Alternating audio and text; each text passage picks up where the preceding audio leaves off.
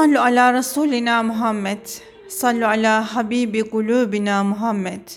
Sallu ala şefi'i zunubina Muhammed. Sultanı Enbiya, Senedi Asfiya, Şefi Ruzi Ceza Hazreti Muhammed Mustafa'ya salavat.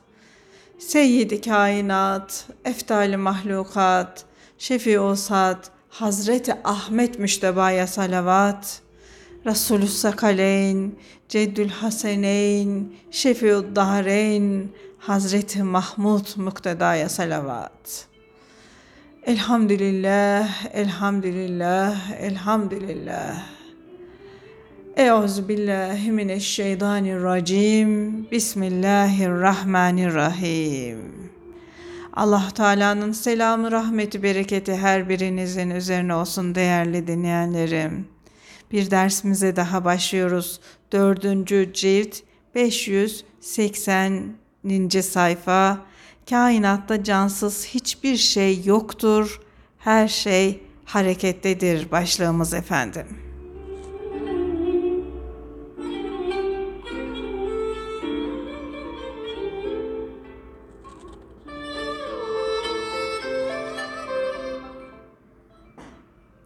Allah kerem ve lütfu ile cansız sandığımız şeylere de akıl verir. Kahrı ile de canlı ve akıllı olanların aklını alır. Evet, lütfu ile cansızlarda akıl belirir. Kahrı ile de akıllılardan akıl kaçar gider. Hakkın lütfu Nil nehrine idrak ve şuur verir. Onu akıllı bir hale koyar. Kahrı ile de akıllı bir insan olan Hazreti Adem'in oğlu Kabil'in aklını alır, onu ahmak hale getirir, kardeş katili yapar. Akıl hakkın emri ile bir tarafa yağmur gibi yağar. Faziletli, imanlı kişiler yetişir. Başka bir yerde bulunanların akılları ise hakkın haşmetine, öfkesine uğrar da orada bulunan şehvetine esir olmuş, hiddetine kapılmış insanların başlarından kaçar gider. Görmez misin bulutlar, güneş, ay ve gökyüzünde yükseklerdeki yıldızların hepsi de bir nizam üzere hareket ederler. Bu sayısız yıldızların her biri vaktinde doğar, doğuş zamanları ne geri kalır ne de önce olur. Bu hali nasıl oldu da peygamberlerin mucizelerinden bilmedik, anlamadık. Onlar taşa ve asaya bilgi verdiler. Onları akıllı hale soktular. Bunları gör de öbür cansızları asa ile taş parçası ile kıyas et. Değerli dostlar burada İsra suresinin 44. ayetinin meali var. Hiçbir şey hariç değil, her şey Allah'ı tesbih eder. Yani yeryüzünde, gökyüzünde ne varsa her şey Allah'ı tesbih eder. Fakat siz onların tesbihlerini anlamazsınız buyuruyor Allah Teala değerli dostlar.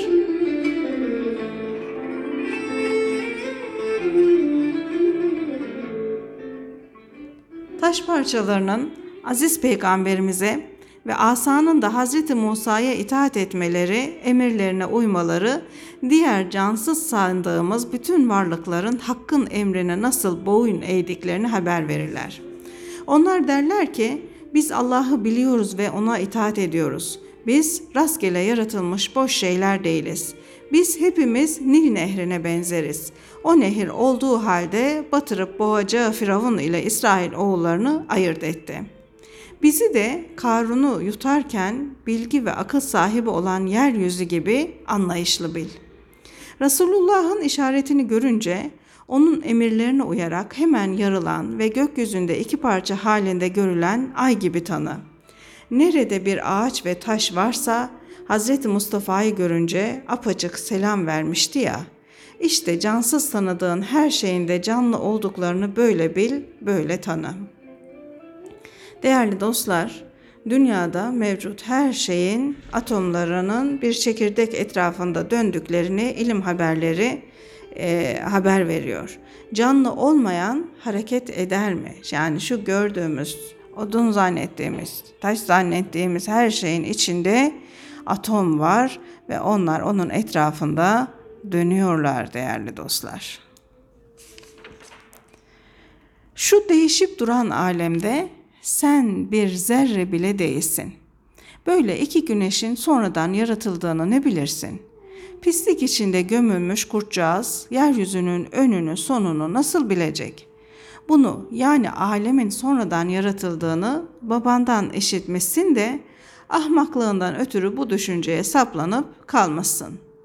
Alemin sonradan yaratıldığına dair delilin nedir onu söyle sus fazla söylemeye kalkışma.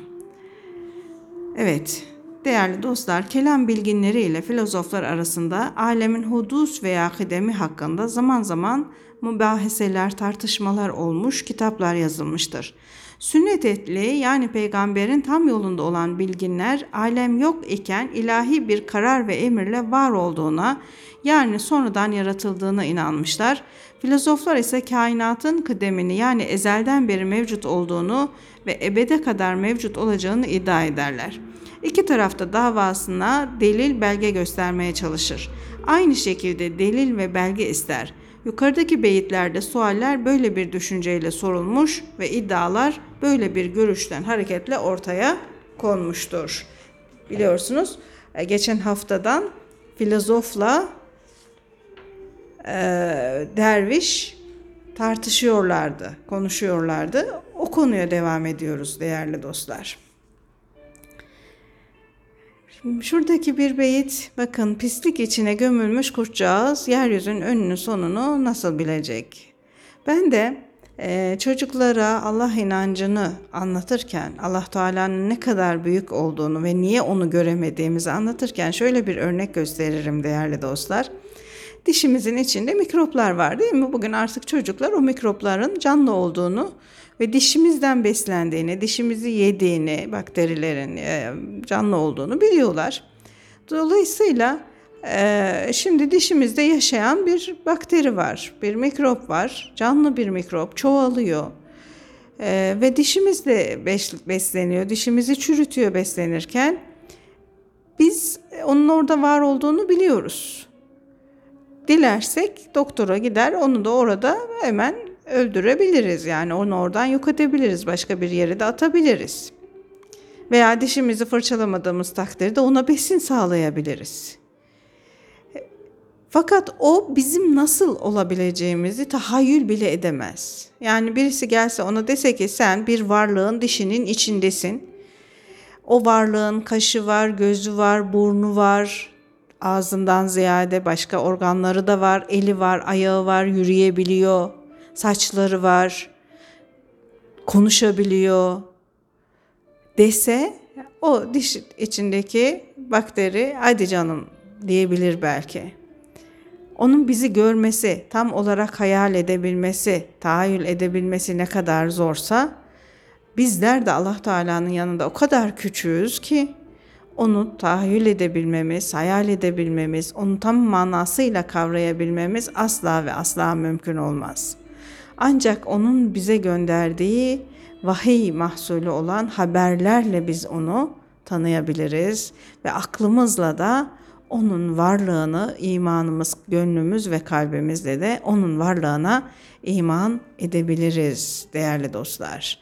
Bu beyit bana bunu hatırlattı. Devam edelim.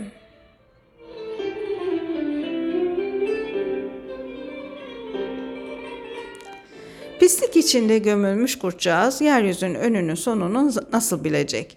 Bunu yani alemin sonradan yaratıldığını babandan işitmişsin de ahmaklığından ötürü bu düşünceye saplanıp kalmışsın. Alemin sonradan yaratıldığına dair delilin nedir? Onu söyle, sus, fazla söylemeye kalkışma. Nakleden dedi ki, bir gün iki kişinin de bu derin konuya daldıklarını bahse giriştiklerini gördüm.'' O iki kişinin çekişmeleri sırasında halk da başlarına toplanmıştı. Ben de onların arasına katıldım, hallerini görmek, sözlerini duymak için durdum bekledim. Biri diyordu ki bu alem fanidir. Hiç şüphe yok ki bu yapının bir yapıcısı var. Öbürü bu alem kadimdir. Yani evveline evvel yoktur. Bu yapının yapıcısı da yoktur. Varsa bile kendisidir. O kendisidir.'' Değerli dostlar burada ne esintisi hissettiniz? Sanki bir o filozofun söylediği değil mi? evrim teorisini savunuyor o kişi. Bakın Mevlana Hazretleri 30 Eylül 1207 doğumlu.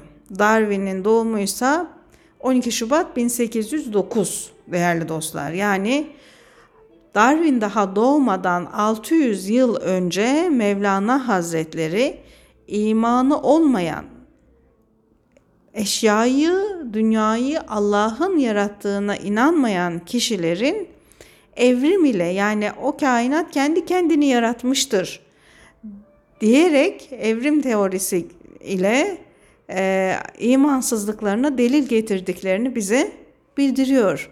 Darwin'den 600 yıl önce. Bakalım mümin ona ne cevap veriyor? Ne diyor filozof? Bu alem kadimdir yani evveline evvel yoktur. Bu yapının yapıcısı da yoktur. Varsa bile kendisidir. Mümin dedi ki gece ile gündüzü getirip götüreni bütün mahlukatın rızkını veren Allah'ı inkar ediyorsun. Filozof dedi ki delil göster. Delilsiz bir söz dinlemem. Taklide ancak ahmak olan kapılır. Haydi bakalım delil göster. Dünyada delilsiz bir söz, bir vehim dinlemem hem de kabul etmem.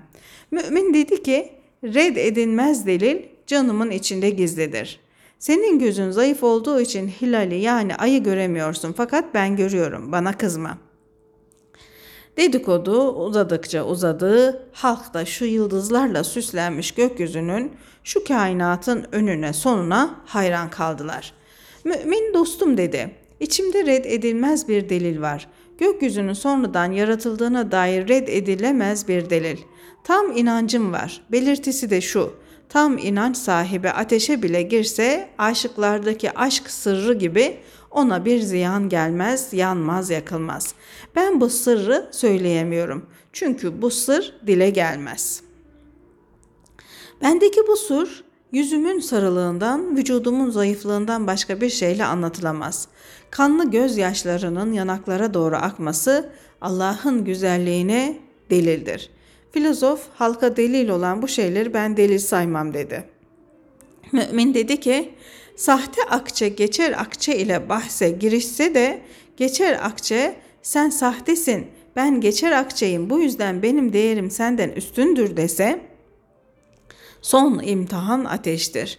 Bu ikisi ateşe düştüler mi onların halis mi sahte mi olduklarını halkın ileri gelenleri de basit olanları da anlar. Herkes şüpheden kurtulur. Ey benim canım, gizli olan geçer akçe ile sahte akçenin imtihanı ateş ve su iledir. Sen ve ben her ikimiz de ateşe girelim. Bu işe şaşırıp kalanlara ölümsüz bir delil, bir belge olalım. Yahut sen ve ben ikimiz de denize atlayalım ve bu tereddüt içinde bulunan insanlara hak ve hakikate delili olalım. Böyle yaptılar, ateşe atladılar. Her biri kızgın ateşin alevleri içinde kendini attı. Allah vardır diyen ve bu davaya girişen kurtuldu. Öbür haramzade ise ateş içinde yandı gitti. Hem ervahın kömürlüğünün büsbütün artması için bu bildirişi, bu haberi günde beş defa minareden seslenen müezzinden duyun. O mübarek adı asır geçtiği halde ecel ve ölüm ateşi yakmamıştır. Hayatında nasıl yüce, yüksek ve muhterem ise hala da öyledir. Her devirde zaman bu çeşit bahse girişenlerden inkar edenlerin yüz binlercesinin perdesini yırtmıştır. Müminle filozofun bahse girmeleri sürüp gitmede, mucizeler göstermede, cevap vermede, gerçek olan doğru olan galip gelir. Anladım ki kainatın evveli vardır. Bu gök kubbe sonradan yaratılmıştır diyen haklıdır. İnkar edenlerin getirdikleri delillerin daima yüzleri sararmıştır yani zayıf ve illetlidir. O inkarın doğruluğuna nerede belirti var?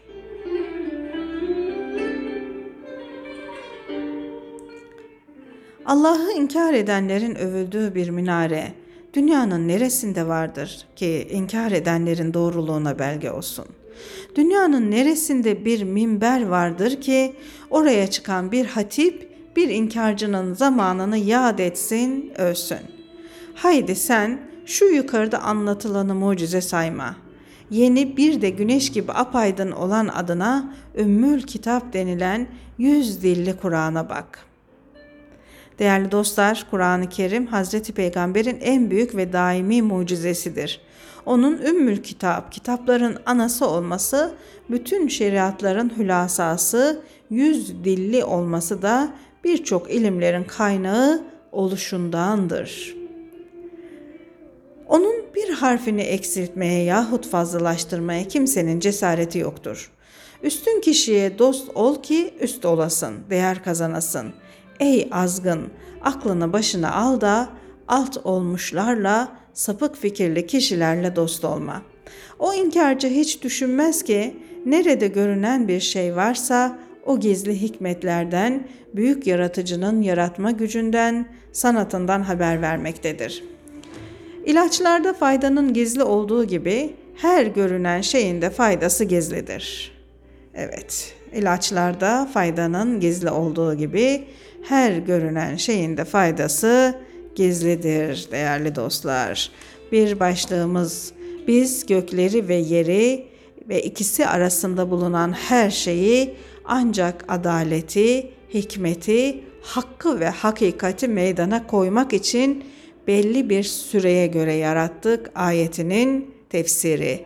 Ahkaf suresi 3. ayeti kerimeye bakalım Mevlana Hazretleri nasıl tefsir etmiş değerli dostlar.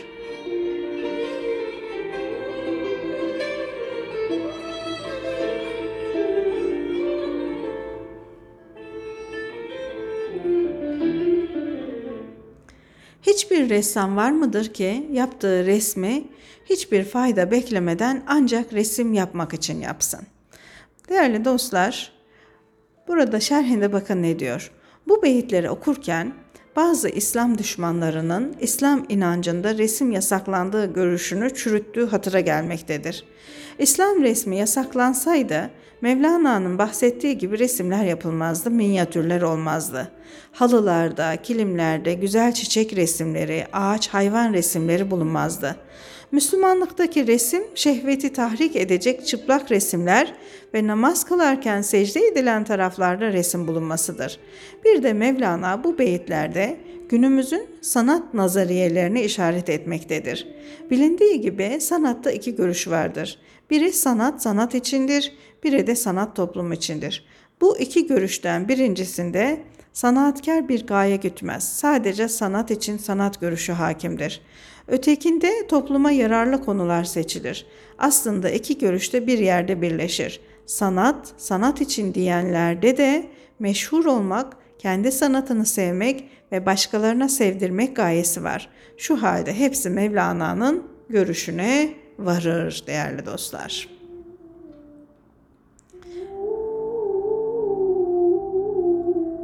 Belki misafirlerin ve büyüklerin seyretmeleri için ve bu yüzden gönülleri ferahlasın, kederden kurtulsunlar diye yapar ressam resmini yani.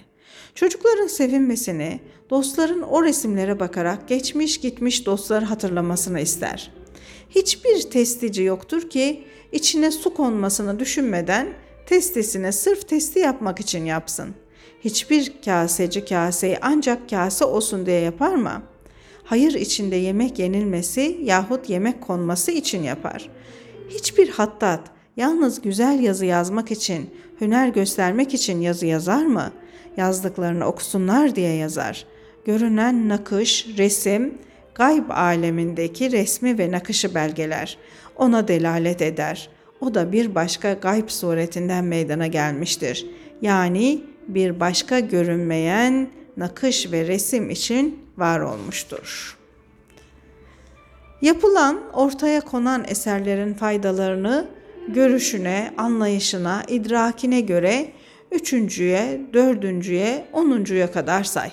Oğlum, bunlar satranç oyununa benzer. Her oyunun faydasını ondan sonrakinde gör. Bu yaratılmış şeyleri, bu güzel sanat eserlerini, bu sanat oyununu gizli oyun için ortaya koydular. O da öbürü için, öbürü de filan için. Gizli oyun sanatkara o eseri yaptıran gizli elin oyunu aslında yapan, yaptıran hep odur. Böylece gözünü altı cihete, altı yöne çevir. Dikkatle bak ki karşındakini mat edinceye kadar oynayacağın oyunları gör. Merdiven çıkarken birinci basamağa, ikinci çıkmak için ayağını basıyorsun. İkinci basamağı da üçüncüye yükselmek için. Bil ki böylece basamak basamak daha dama kadar çıkarsın. Yemek yersin, kuvvetlenirsin, güçlenirsin, bedeninde meni hasıl olur. Meni de soy sop elde etmek, gönlü gözü aydınlatmak içindir.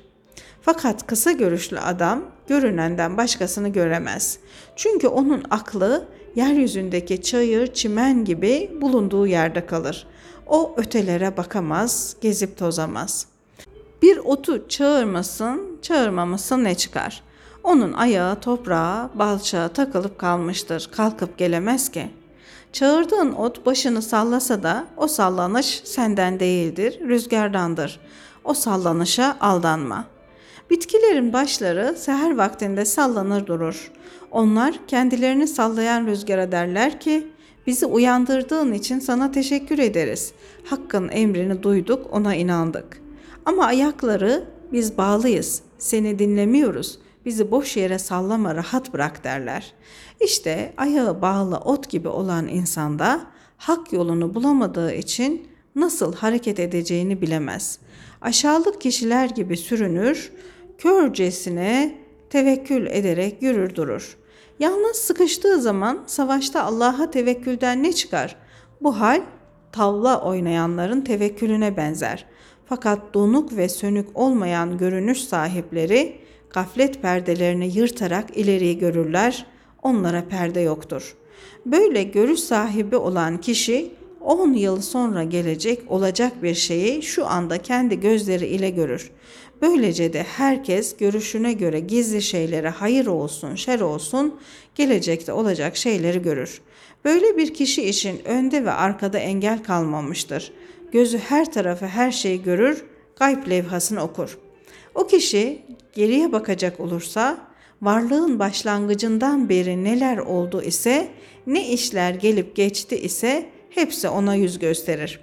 Yeryüzündeki meleklerin babamız Hazreti Adem'in halife olup olmaması hususunda Yüce Tanrı ile bahse giriştiklerini duyar, görür. Yine o kişi geleceğe bakınca da mahşerde neler olacaksa hepsini bir bir görür. Demek ki o arkaya bakınca aslın aslına kadar görüyor, ileriye bakınca da iyi kişilerle kötü kişilerin ayrılacağı güne kadar ne olacaksa hepsini görüyor.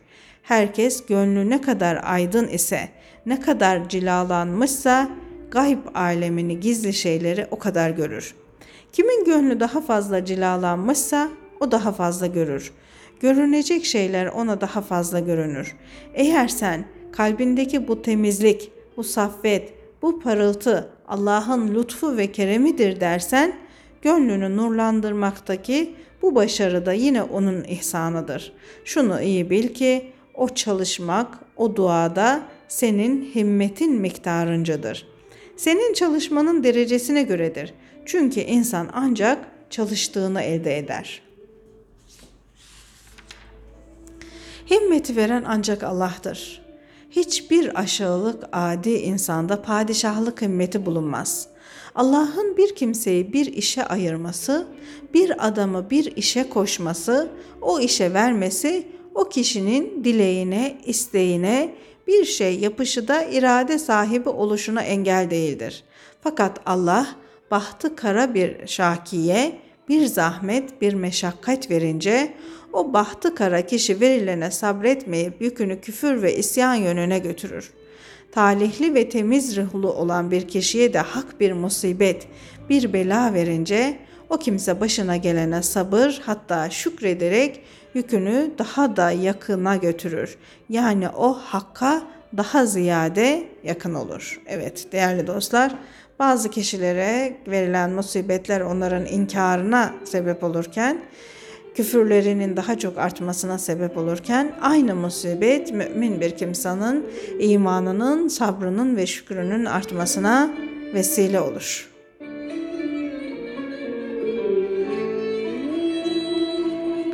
Devam edelim.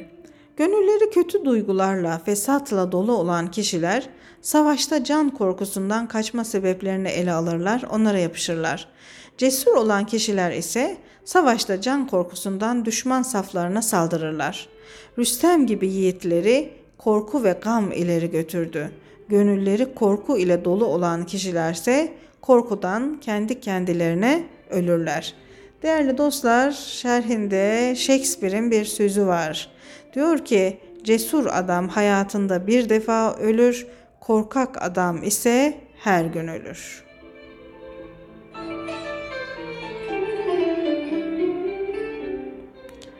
Bela ve can korkusu mihenk taşı olmuştur. Yiğit er onunla korkak kişiden ayrılır.